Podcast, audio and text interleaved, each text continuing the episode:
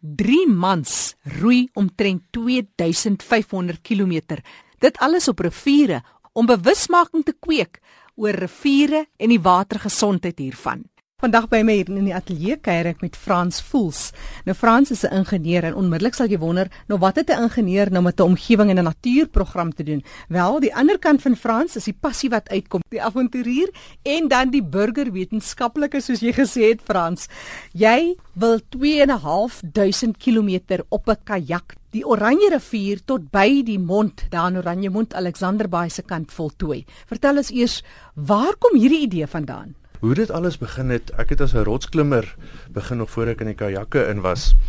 Ek het daar by waterval boven saam met my vriende gesit en kerm kerm kerm oor hoe ons waterbronne besig is om beskadig te word en hoe die een ding wat ons regtig nodig het om te kan leef en is water besig is om bedreig te word. Ons is bekommerd oor die renoster en oor allerlei ander goed, maar hey, ons het daai water nodig. Sonder die water kan ons nie leef nie, renoster ook nie. Met hierdie gekerm moes my vriende vir my moeg geraak het, so hulle wel doen iets daaraan. Uh, ek loop toe toevallig gespul witwater kajakkers raak. Hulle hulle sê toe vir my wel as jy verder wil leer oor hierdie ding, dan moet jy leer van witwater kajakking want my doel was toe om van die oog van die Vaalrivier af tot by Alexander Bay op die Oranje rivier te roei en al die pad monsters te neem waar ek uh, kan vir mense wys wat is aan die gang met ons water. Nou praat nou so van die oog van die Vaalrivier. Die Vaalrivier is eintlik nie die oorsprong van die Oranje rivier nie. Hy vloei waar vloei in die Oranje rivier? Weet jy, dis dis nou 'n hele dilemma ook dat die die twee riviere vloei bymekaar in min of meer by Douglas se omgewing. Maar as jy nou mooi gaan kyk na die kaarte en gaan meet die lengte, is die Vaalrivier langer as die punt van daai bymekaar vloeiing uh, wat die Oranje is. So streng gesproke is die Oranje bo Douglas 'n sytak en die Vaalrivier is die eintlike rivier. Ek hoor jou. Kom ons vat nie daai gesprek nou aan nie. ja, ek, ek weet baie mense gaan wil stry. maar as jy nou praat van die oog van die Vaalrivier, waar begin jy dan? Dit is by Bruiten in Mpumalanga, so net buitekant Ermelo. Uh as jy nou reguit lyn met 'n liniaal trek van Mbabane in Swaziland en Johannesburg, dan is ons so 3 kwart van die pad tussen die twee. Van daar af vloei hy kloksgewys soos 'n passer min of meer rondom Ermelo en dan trek hy wes na Parys en vereniging se omgewing en dan vloei hy al die pad af tot by Douglas en kom die Oranje en die Val by mekaar en dan is dit verby uh Appington en daai wêreld Fuelsdrift al die pad tot by Alexander Bay. Maar jy kom eintlik hier uit 'n baie mooi, as ek nou praat van mooi, praat ek nou van groen in 'n loofryke omgewing dat hy heeltemal dan 'n swaai vat en amper semi-woestyn word. Ons gaan regtig die biodiversiteit van Suid-Afrika in persoon ervaar waar ons begin op die op die grasvlaktes en op die vlei lande wat primêre opvangsgebiede is van Suid-Afrika se water. Jy weet die die Komati rivier begin uh, in daai omgewing, die Vaalrivier, die Lesotho rivier wat Swaziland loop, alles is in daai klein gedeeltjie rondom Ermelo waar hulle afskop. So ons begin met daai vlei lande en daai grasvelde. Mm. Die rivier kronkel verskriklik daar so uh 2 km se stap is 10 km se roei vir die eerste eerste ruk. Maar van daar af begin ons dan gaan ons dan meer in 'n stedelike gebied in uh die Ouval driehoek area waar ons deur verenigings in daai wêreld gaan wat baie geïndustrialiseer is. Maar daarso gaan ons uh, waar ons in die Hoëveld uh die impak van steenkoolmyne en nedersettings gehad het, dan begin ons die impak sien van swaar industrie en weer eens nedersettings van as die populasie digtere baie ja, hoog. Ja, ja. Dan trek ons verder af deur die deur die Vrystaat waar die populasiedigtheid teen die rivier redelik hoog bly, maar wanneer jy 'n bietjie van die rivier af begin weggaan, is daar nie so baie mense nie.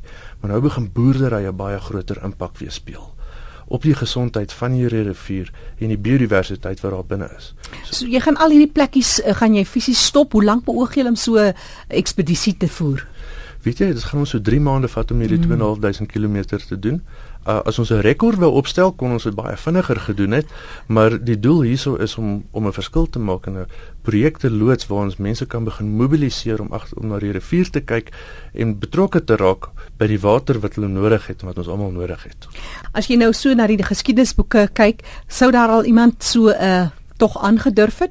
Wat kon jy agterkom? Jackie, ek het lank en ver en wyd gesoek en ek het een man gekry wat dit tevore gedoen het Brian van Sail het in 1981 baie naby die oog van die Vaalrivier begin en hy is ook al die pad af maar hy het dit gedoen om 'n tydrekord op te stel 'n merkwaardige storie uit hy 'n boek ook al oor geskryf. Julle gaan so 3 mans wie as ek reg is? Dis korrek ja. Nou julle wil juist dan ook mense opvoed om vir hulle in te lig oor wat presies in ons water aan die gang is. Hoe gaan julle te werk met die prosesse? Weet jy Jackie, dit is meer as net opvoed, dit is bemagtiging. Daar is soveel mense wat ander mense probeer leer en vir hulle die wysheid probeer kom gee. Ons wil nie dit doen nie. Ons wil mense bemagtig om 'n verskil te maak. Ons almal het daai water nodig. Mm.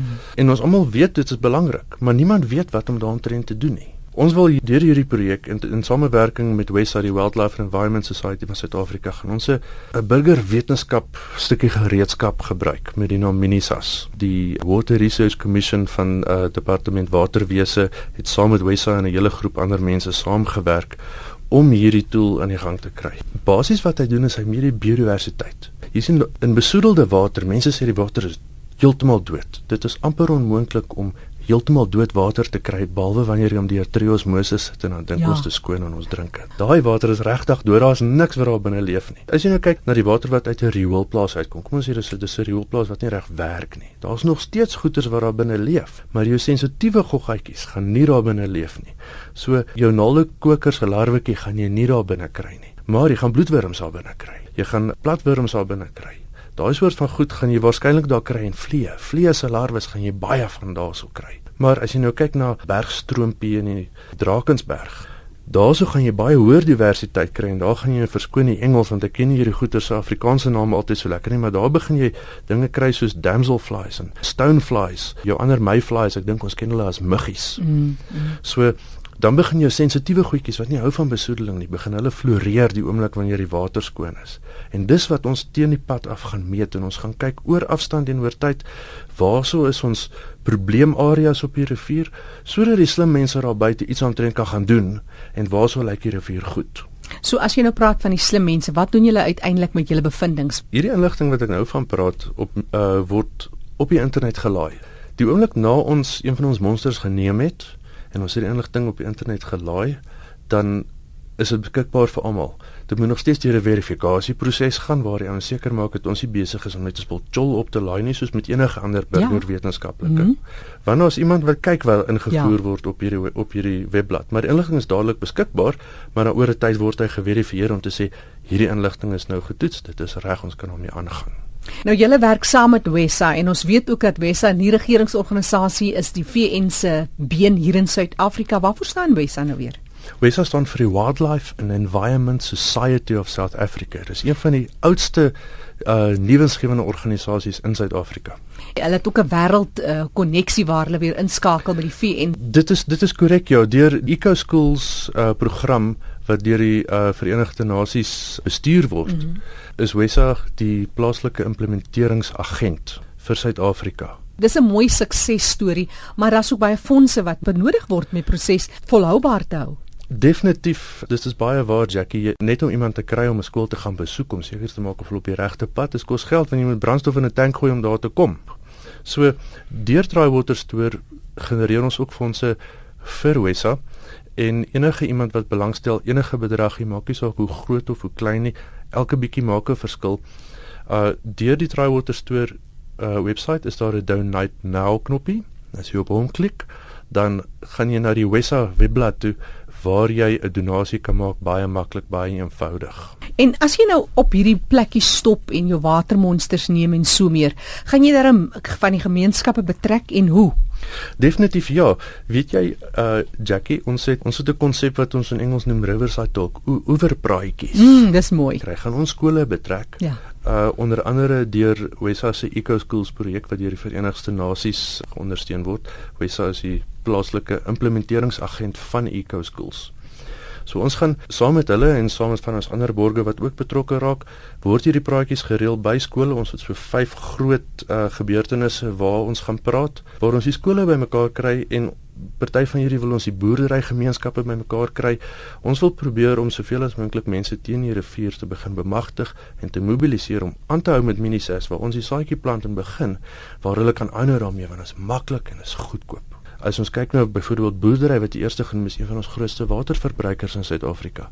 Maar die boere besef, hulle is in vir die lang pad. Mm. En as hulle water ophou, het hulle 'n probleem. As die water te besoedel raak, dan begin uh, uitvoergeleenthede opdroog. So dit is in hulle belang om 'n gesonde rivier te hê wat standhoudend bly. Ons het daarso met uh van die van die landbouverenigings spesifiek in Mpumalanga landbou en dan die ander ouens afstroom van hulle af reeds 'n verhouding begin opbou. Ons doen dit met hulle ondersteuning. Uh hulle gaan betrokke raak om ook dan met hierdie ding verder te gaan en dit deur hulle uh, kanale ook deur te syfer. Dis Frans Voels, hy's ingenieur, avonturier en 'n burgerwetenskaplike. Hulle beoog om wanneer begin julle? 16 Januarie Januarie. Om die 16de Januarie van die oog van die Vaalrivier al die pad af te vaar tot waar hy die Oranje rivier ontmoet en dan tot aan die mond van die Oranje rivier en dan gaan julle skole en gemeenskappe betrek so langs die rivier langs en julle het 'n wonderlike uh, in, in Engels praat ons van 'n toolkit maar julle het so 'n samestelling van wat nodig is om seker te maak dat julle die regte vrae vra en die regte goed voorkyk. Dit is reg ja. Minisas is 'n burgerwetenskap metode wat gebou is spesifiek vir Jan Alleman om betrokke te kan raak om te kan sien wat is die gesondheid van die water in sy area. So of jy nou in die middel van Johannesburg bly waar daar 'n klein stroompie is wat naby jou verbyvloei, of jy in die Vaalrivier is die, of jy in die Kaap is, jy kan selfs in Indië of in Kanada wees, Australië, dit maak nie saak nie.